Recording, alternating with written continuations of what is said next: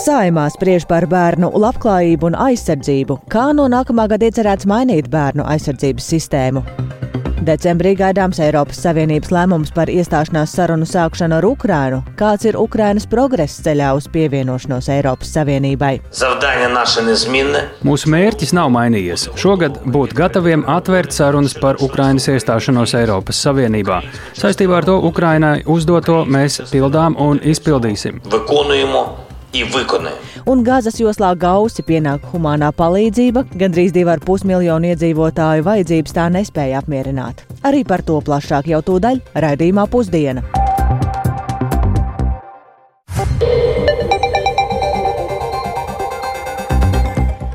Divpadsmit un piecas minūtes skanējumu sāk ziņu redzījums pusdiena, un tajā plašāk par šodien, 23. oktobrī, būtisko studijā Dācis Pēkšēna. Esiet sveicināti! Un sāksim ar bērnu labklājību un aizsardzību, par ko šobrīd spriež saimā īpašā tam veltītā konferencē. Un tas saistīts ar to, ka no nākamā gada plāno būtiski mainīt bērnu aizsardzības sistēmu. Pārmaiņas piedzīvos arī valsts bērnu tiesība aizsardzības inspekcija. No nākamā gada to dēvēsim par bērnu aizsardzības centru. Bez tam jau drīzumā darbu sāks bērnu māja. Tajā savukārt visa nepieciešamā palīdzība vardarbībā cietušiem bērniem būs pieejama vienu vietu. Vairāk par šo tēmatu zina stāstīt kolēģi Paula Devica, kura seko līdzi arī notiekošajiem saimā, un šobrīd viņa pievienosies mums tiešraidēs. Sveika, Paula! Dažas lietas jau es pieminēju, bet izstāst vairāk, kādas tad būs pārmaiņas šajā jomā. Sveika, Dārsa, labdien, klausītāji! Jā, tad, tad ir plānots vairākas izmaiņas, un tās patiesībā diezgan būtisks. Reizē viena no lielajām, kā tu jau minēji, tātad skar valsts bērnu tiesību aizsardzības inspekciju, kam papildus nosaukumam mainīsies arī darbības forma. Un inspekcijas pārveide paredzēs strikti nodalīt uzraudzības un kontrols funkciju un uh, stiprināt atbalsta bloku. Uh, tātad inspekcijai būs jāpāredz principā visa sistēma ar daudzajiem tās aizsardzības funkcijas pildītājiem, kas būtu izglītības iestādes, veselības aprūpas iestādes, sociālās, sociālās palīdzības iestādes, arī tiesību sargājošās institūcijas, pašvaldības un citi. Uh, vienlaikus uh, inspekcijai būs arī jāpāredz bērniem un ģimenēm pieejamais atbalsts un pakalpojumi, un jāpiedāvā tātad individuāli risinājumi gadījumos, kad tas ir nepieciešams. Un, protams, ir skaidrs, ka viena institūcija nevar pārvaldīt visu šo sistēmu un visu notiekošo visās pārējās nozarēs. Tomēr inspekcijai būtu jāstrādā pie šo visu iesaistīto darbības sinhronizēšanas.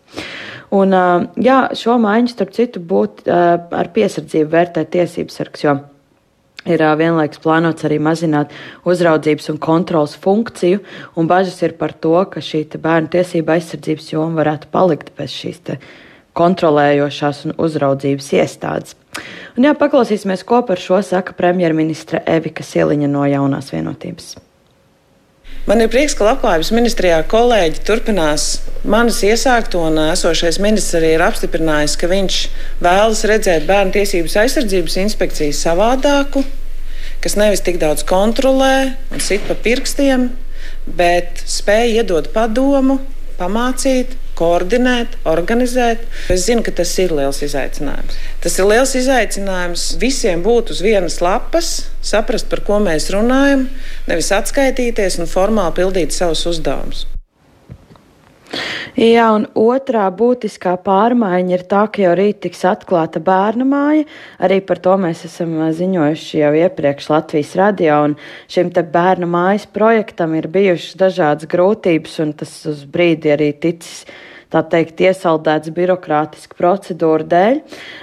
Tad šī programma ir tātad tapusi Islandē un tā piedāvā viena kontaktpunkta pieeja, tā teikt. Uh, principā vienā vietā uh, piedāvāt bērnam visu nepieciešamo palīdzību. Uh, Tajā sadarbojas attiecīgās institūcijas, piemēram, policija, sociālie dienesti, arī dažādi psihologi, prokurors. Viss, kas nepieciešams vardarbībā cietušam bērnam, lai nenotiktu retraumatizācija. Dace? Jā, Paula, par problēmām bērnu tiesību aizsardzības jomā mēs esam nevienu vienu reizi runājuši, bet tā apkopojot, kas ir tie galvenie iemesli šādai sistēmas maiņai?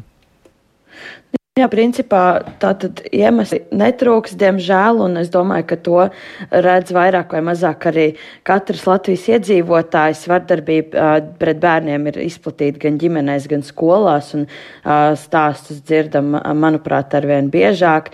Protams, arī statistika parāda problēmu. Un, diemžēl arī sistēmā ir caurumi, un lielai daļai bērnu ar varmākām ir jāsadzīvo. Un, jā, tieši lielākajā daļi, daļā gadījumu vardarbīgi pret saviem bērniem ir tieši vecāki.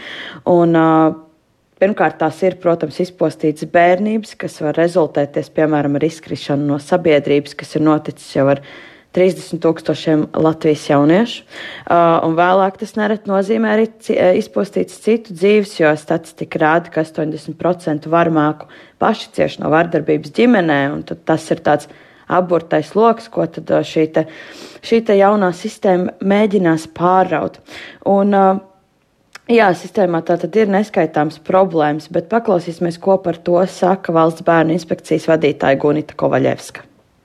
Jo tas, ar ko es domāju, mūsu arī kolēģi, mani darbinieki ikdienā saskars ar to, ka, ka mēs nedzirdam, mēs nereti varam nesadzirdēt. Ne tāpēc, ka negribam, bet tāpēc, ka a, mums ir daudz citas lietas, ko darīt, mums ir daudz dažādu problēmu, ko risināt, un tad nereti pašu bērnu dzirdēt. Nu, kaut kur tas varbūt kaut kur paliek maliņā, jo tad, ja tajā vienā reizē, ja bērnu mēs neuzklausām, tad otrajā reizē viņš pie mums vairs nemaz nenāk. Jā, tad tikko dzirdējām valsts bērnu tiesība aizsardzības inspekcijas vadītāju Gunitu Kovaļevsku. Tātad, jā, apņēmība ir liela mainīt sistēmu un radīt to pieejamāku bērniem un arī efektīvāku. Nu, redzēsim, kā tas izdosies un tā, tā sāks darbu nākamajā gadā. Dace.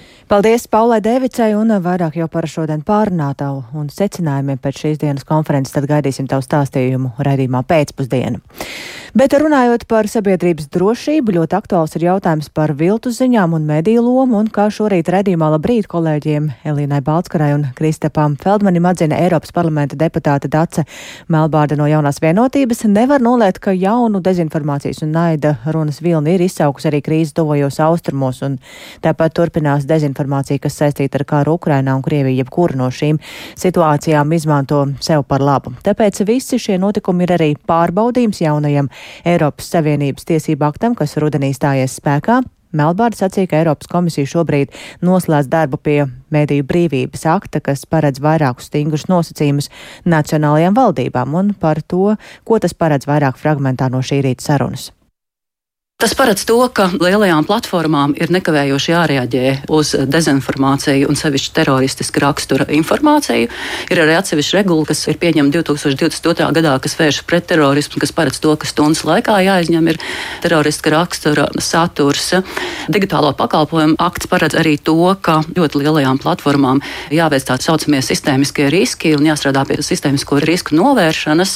Tas nozīmē to, ka gan algoritmu audits ir jāveic, gan, protams, jāvērtē ir eh, dezinformācijas cēloņi, jāievieš ir eh, teksta moderācija, bet nu, tas, ko mēs šobrīd vērojam, ir, ka lielās platformas absolūti nav gatavas jaunās regulas ieviešanai, un tāpēc Eiropas komisija ir vērsusies pie X, Meta, kas ir Facebook eh, mātes uzņēmums, TikTok ar aicinājumu nekavējoši pie tā strādāt, jo pretējā gadījumā saskaņā ar jauno digitālo pakalpojumu aktu šiem lielajiem uzņēmumiem draud liels sankcijas, pat varētu teikt miljārdu. Bet, nu, šobrīd tās sarunas liecina, ka šīs lielās lielās platformas ir gatavas? Es teiktu, ka uh, ir platformas, kas uh, mēģina atsaukties un pie tā strādāt. Man liekas, ļoti diskutabla reakcija ir sekojusi no X īpašnieka, kuram ir varbūt tāda nu, citādāka izpratne par vārdu brīvības robežām, un to mēs redzam arī X platformā kopš uh, Twitter. Tagad X ir pārņēmis Ilons Masks savā īpašumā, tad Twitters varētu teikt, ir kļūst par tādu lielāko dezinformācijas avotu. Ir daudz diskutablu jautājumu, bet es tiešām ceru, ka Eiropas komisija izrādās izrādīs stingru mugurkaulu, un, ja nespēs vienoties ar lielajām platformām, tiešām uzsāks kādu procedūru, jo man liekas, ka mums ir nepieciešams precedents, lai platformas uztvertu šo regulu nopietni. Bet eh, ņemot vērā visu, ko mums eh, piedāvā arī tehnoloģija attīstība, vai mēs varam teikt, ka patiesība ir apdraudēta, vai mēs esam vispār spējīgi saprast, kas ir īsts, kas nav? Attiecībā uz mākslīgo intelektu Eiropas komisija ir pieņēmusi regulējumu un arī diferencē riskus, un ir nodefinēta virkne mākslīgā intelekta veidi, kas būs pilnībā aizliegti, un tieši tie, kas manipulē iespējamo cilvēku rīcību un domāšanu. Bet nu, visi šie dokumenti šobrīd vēl ir noslēguma stadijā, un mēs diemžēl nejūtam vēl tā ietekmi. Bet es jums piekrītu, ka patiesība savā ziņā ir apdraudēta, jo jaunās tehnoloģijas patiesi attīstās ļoti strauji, un mēs visi skrienam pakaļ. Nacionālās valstis, valdības, Eiropas komisija, citas starptautiskās organizācijas, un uh, patiesībā nu, galvenais glābiņš tomēr ir cilvēku izglītība, spēja kritiski domāt un izvērtēt to informāciju, ko viņi šodien saņem, arī mēdīju patērēšanas ieradumi, lai cilvēki patērētu kvalitatīvus mēdījus. Protams, katrai valstī jārūpējas par to, lai mums būtu kvalitīvi mēdīji. Nu, šeit, protams, ir uh, galvenā atbildība katrai valdībai rūpēties par to, lai pirmkārt jau būtu spēcīgs sabiedriskais mēdījis, līdz ar to nodrošināt tam, lai sabiedriskajiem mēdījiem būtu atbilstošs finansējums. Eiropas komisija šobrīd noslēdz darbu arī pie mēdīju brīvības akta, kas paredz vairākus stingrus nosacījumus nacionālajām valdībām, tā skaitā arī to, ka adekvāti ir jāfinansē sabiedriskais mēdījis, jānodrošina tā redakcionālā neatkarība, ir jāpasargā mēdīji un žurnālisti no dažādu veidu uzbrukumiem. Ja mēs runājam par komercmedijiem, tad pilnībā ir eh, jānodrošina informācijas atklātība par komercmediju eh, īpašniekiem, patiesā labuma guvējiem un eh, finansējuma avotiem. Un dažādos veidos arī valstī ir pienākums veicināt mēdīju dažādību. Tālūk Eiropas parlamenta deputātes Dācis Melbāras teiktais, bet par notikumu attīstību Izraels karā ar palestīniešu grupējumu Hamas. Humanitārā situācija Gazas joslā pasliktinās, taču pagaidām tur ir ieradušies tikai daži desmiti kravas automašīnu ar humāno palīdzību. ASV apgalvo, ka Izraela neliks šķēršļus turpmākām palīdzības piegādēm, tikmēr Izraels spēki pastiprina gaisa uzbrukums teroristu grupējumu Hamas pozīcijām Gazas joslā, gatavojoties iespējamam sauszemes iebrukumam teritorijā. Plašāk par tur notiekošo Ulda Česbera sagatavotajā ierakstā. Gāzes joslā, pret ko Izraela īsteno pilnīgu blokādi, vakar iebrauca vēl 14 kravas automašīnas ar humāno palīdzību. Tās sekoja 20 kravas automašīnām, kas Gazā no Ēģiptes iebrauca sestdien. Tajās bija tīrs dzeramais ūdens, pārtika, medikamenti un citas pirmās nepieciešamības lietas. ANO ģenerālsekretāra vietnieks humanās palīdzības jautājumos Mārtiņš Grifits paziņoja, ka šī palīdzība ir vēl viens neliels cerības stariņš palestīniešiem, taču viņš norādīja, ka 2,4 miljonu Gazas joslas iedzīvotāju iedzīvotāju pamatvajadzību nodrošināšanai ar to ir krietni par maz. ANO lēš, ka ikdienu teritorijā vajadzētu iebraukt vismaz simts kravas automašīnām ar humāno palīdzību. Vietējās palīdzības organizācijas apgalvo, ka vissmagāk klājas slimnīcām, kam strauji izsīkst medikamentu krājumi un degvielas rezerves, kuras izmanto, lai darbinātu elektrības ģeneratorus. Izrēla ir pārtraukusi elektrības piegādi Gazas joslai, tāpēc ar degvielu darbināmie ģeneratori ir vienīgais elektrības avots. ANO Startautiskais bērnu aizsardzības fonds brīdināja, ka 120 jaundzimušie, kuri atrodas inkubatoros Gazas joslas slimnīcās, var nomirt, ja slimnīcas paliks bez elektrības. Pasaules veselības organizācijas ģenerāldirektors Tedros Adhanoms Gebrejesus ir vērsies pie Izrēlas ar lūgumu atļaut degvielas piegādi Gazas joslai. ASV Baltais nams vakar pēc prezidenta Džo Baidena un Izrēlas premjerministra Benjamina Netanjahu telefona sarunas paziņoja, ka Izrēla ir solījusi arī turpmāk atļaut humanās palīdzības kravu piegādi Gazas joslai. ASV prezidentam notika arī konferences zvans ar Kanādas, Francijas, Vācijas, Itālijas un apvienotās karalistes līderiem. Pēc tā tika izplatīts kopīgs paziņojums, kurā viņi atkārtoti norādīja uz Izraēlas tiesībām aizsargāt sevi pret terorismu, bet vienlaikus aicināja aizsargāt Gazas joslas civiliedzīvotājus. Izrēla arī aizvadītajā naktī veica uzlidojumus Gazas joslā. Izrēlas armija paziņoja, ka ir devusi triecienus vairāk nekā 320 teroristu grupējuma Hamas militārajiem objektiem. Izrēlas varas iestādes atkārtoti mudināja Gazas joslas ziemeļos dzīvojošos evakuēties uz teritorijas dienvidiem, jo drīzumā varētu sākties izrēliešu sauszemes iebrukums. Izrēlas aizsardzības ministrs Joavs Galants paziņoja, ka karš ar Hamas var turpināties mēnešiem, bet tas beigšoties ar teroristiskā grupējuma iznīcināšanu iznīcināšanu.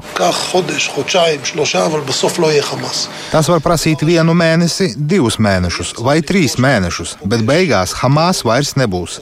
Pirms Hamas sastapsies ar mūsu tankiem un mūsu kājniekiem, viņi iepazīsies ar mūsu aviācijas bumbām. Šim vajadzētu būt pēdējam karam Gazā, tā vienkārša iemesla dēļ, ka Hamas vairs nebūs. Vienlaikus pieaug bažas, ka Izraēlas sauszemes iebrukums Gazā varētu uzšķilt plašāku reģionālu karu, kurā varētu iesaistīt iesaistīties arī Libānā bāzētais un Irānas atbalstītais grupējums Hezbollah. Uldis Česberis, Latvijas radio. Tas tātad par jaunāko no tuvajiem austrumiem, tikmēr par spīti smagiem kara apstākļiem Ukrainas printera cienīgā tempā ir centusies īstenot virkni reformu, lai pielāgoties Eiropas Savienībai. Jāatgādina, ka Ukraina Eiropas Savienības kandidāta valsts statusu saņēma pērnu vasarā, bet kā tai sokas ar Eiropas komisijas uzdoto mājas darbu izpildi, par to vairāk mūsu speciāla korespondentes Ukrainā Indras Prānces reportāžā. Ukraina, Ukraina ir Eiropā! Ukraina ir Eiropā! Šoruden aprit desmit gadi. Kopš 2013. gada novembrī tūkstošiem ukrāņu izgāja ielās, iebilstot pret tā brīža valdības lēmumu neparakstīt asociācijas līgumu ar Eiropas Savienību. Sākās tā dēvētais eiro maidāns, kas turpmākajos mēnešos izvērtās nāvīgās sadursmēs starp demonstrantiem un tiesību sargiem, bet beidzās ar eksprezidenta Viktoru Janukoviča bēgšanu no valsts. Desmit gadus vēlāk, paralēli cīņai par savu brīvību, Ukraiņas sprinteri cienīgā tempā īsteno plaša apmēra reformas, lai pielāgotu visdažādākos likumus un būtu gatavi sākt sarunas par iestāšanos Eiropas Savienībā. Сьогодні є необхідне рішення Верховної Ради України. Šodien Ukrainas augstākā rada pieņēma nepieciešamo lēmumu, kas ir vajadzīgs, lai sāktos sarunas ar Eiropas Savienību.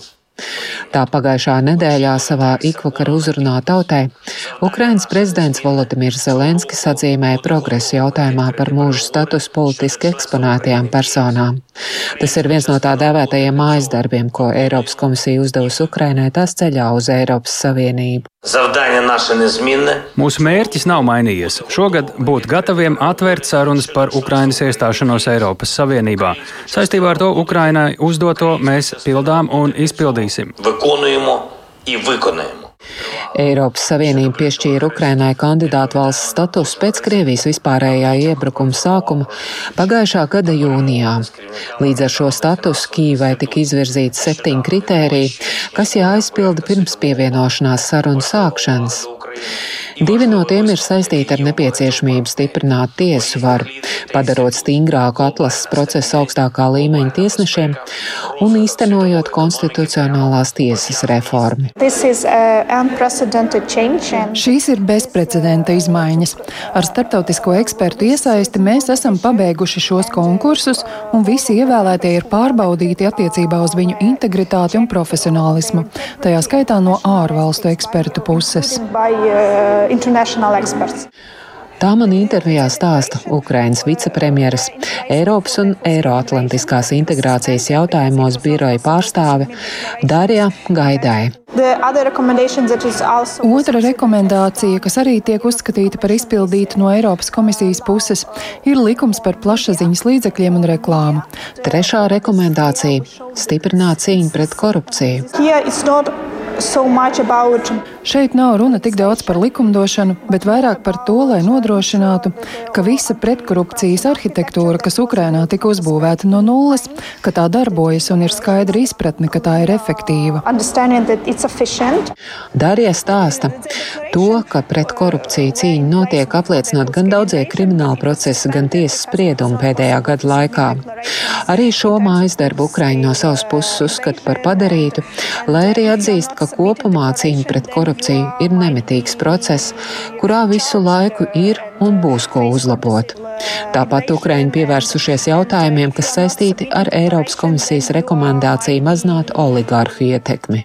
Ukraina pieņēmusi mazākumu tautību likumu, izstrādājusi arī valsts programmu minoritāšu atbalstam. Krievijas iebrukuma dēļ Krievi šajā minoritāšu sarakstā nav.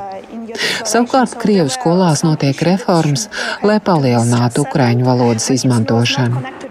Kopumā Ukraiņi uzskata, ka visas septiņas rekomendācijas ir izpildītas, lai arī katrā no jomām vēl daudz ko darīt. Tas ir tikai pirmais solis pretī dalībai Eiropas Savienībā. Turklāt tāds, kas spērts ļoti īsā laika periodā un ļoti smagos kara apstākļos, kad virs galvām lidoja raķetes un droni, bet darba kabinetos nereti nebija elektrības. Es domāju, ka progress ir. Tā lūgts novērtēt Ukrainas paveikto, man intervijā saka nevalstiskās organizācijas Opora pārstāvis Anatolijas Bondarčuks.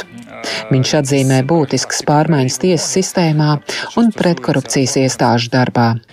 Anatolijas stāsta, ka Ukrainas iestāšanos Eiropas Savienībā atbalsta ap 80 līdz 90 procentiem ukraiņu, un atbalstītāju skaits audzis līdz ar Krievijas vispārējo iebrukumu Ukrainā. Eiropas Savienības lēmums par iestāšanos sarunu sākšanu ar Ukrainu tiek gaidīts decembrī. Indra Sprānce, Latvijas radio Ukrainā. Un vēl Vācijā ir noslēdzies Frankfurtas grāmatu gada tirgus, kur bija pārstāvēti vairāk nekā 170 tūkstoši izdevēju, autoru, aģentu, bibliotekāru, konsultantu un citu nozares profesionāļu, arī no Latvijas. Un labā ziņa ir tā, ka ārvalstu izdevēju interesi par Latvijas rakstnieku grāmatām pamazām, bet palielinās.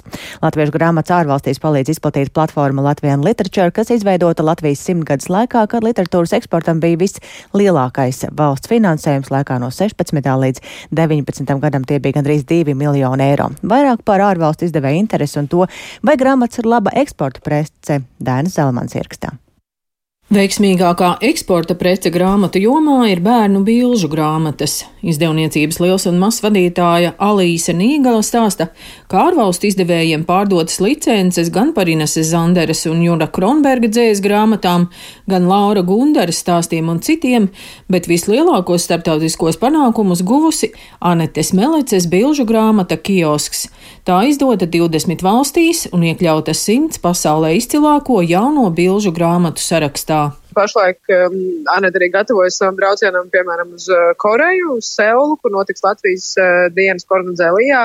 Tur ir kiosku, kam ir ļoti liela panākuma. Nu, jau ir pār desmit tūkstošu uh, kopijām tirāžu, kur arī viņas uh, jaunākā biožu grāmata pazudušais miedziņš. Ir jau šobrīd 11 valodās pārdotas tiesības. Tieši tas, ka grāmata tomēr ilgstoši ir tirgu un arī atkārtotie metieni tiek veidot tas ir tas, kas nodrošina to ieņēmumu. Protams, nu, jo lielāka tirāža, jo lielāks tas procents, ko saņem autors un izdevējs, kas šīs tiesības ir pārdevis. Pirms septiņiem gadiem tika izveidota platforma Latvijas Literature, lai palīdzētu Latvijas izdevējiem izplatīt latviešu literatūru ārvalstīs, un ar platformas palīdzību ārvalstīs jau izdotas 284 latviešu autoru grāmatas.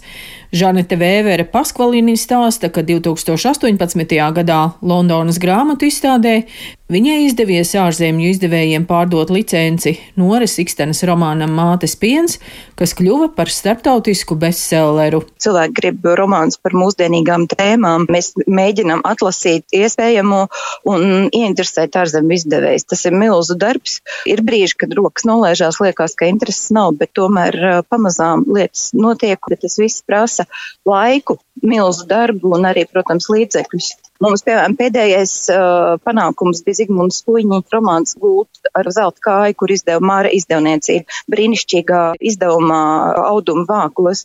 Ļoti dārga grāmata, bet šī grāmata ir gan arī izpārdot Vācijā. Izdevniecības zvaigzne ABC literārā aģente Santa Raciņa stāsta, ka ārzemju izdevējiem pārdotas licences par Daces Vīgantes, Arno Junces, Baibas Zīles, Zanes Zustes grāmatām, bet vislielākā izdevēja interese ir par autoriem, kas saņem starptautiskas balvas. Šobrīd izdevniecības zvaigzne autore numur viens ir Laura Vinogradova, kas pirms diviem gadiem saņēma Eiropas literatūras balvu. Šobrīd ir um, noslēgta licences līguma par romāna upe izdošanu Lietuvā, Amerikā, Francijā, Maķedonijā, Vācijā un vēl Bulgārijā. Ar katru jaunu licences līgumu, protams, interese par autoru aug. Tas, ka mēs esam maza valsts un maza kultūra, mums ir vairāk jāpacīnās, lai mūs pamanītu. Jo amerikāņu autoram ir vieglāk atrast sev varbūt um, izdevēju Eiropā, jo aiz viņa stāv uh, lielāks izdevējs, lielākas tirāžas. Viņš var pateikt, esmu pārdevis 50 tūkstošus, 60, 200 miljonu grāmatu.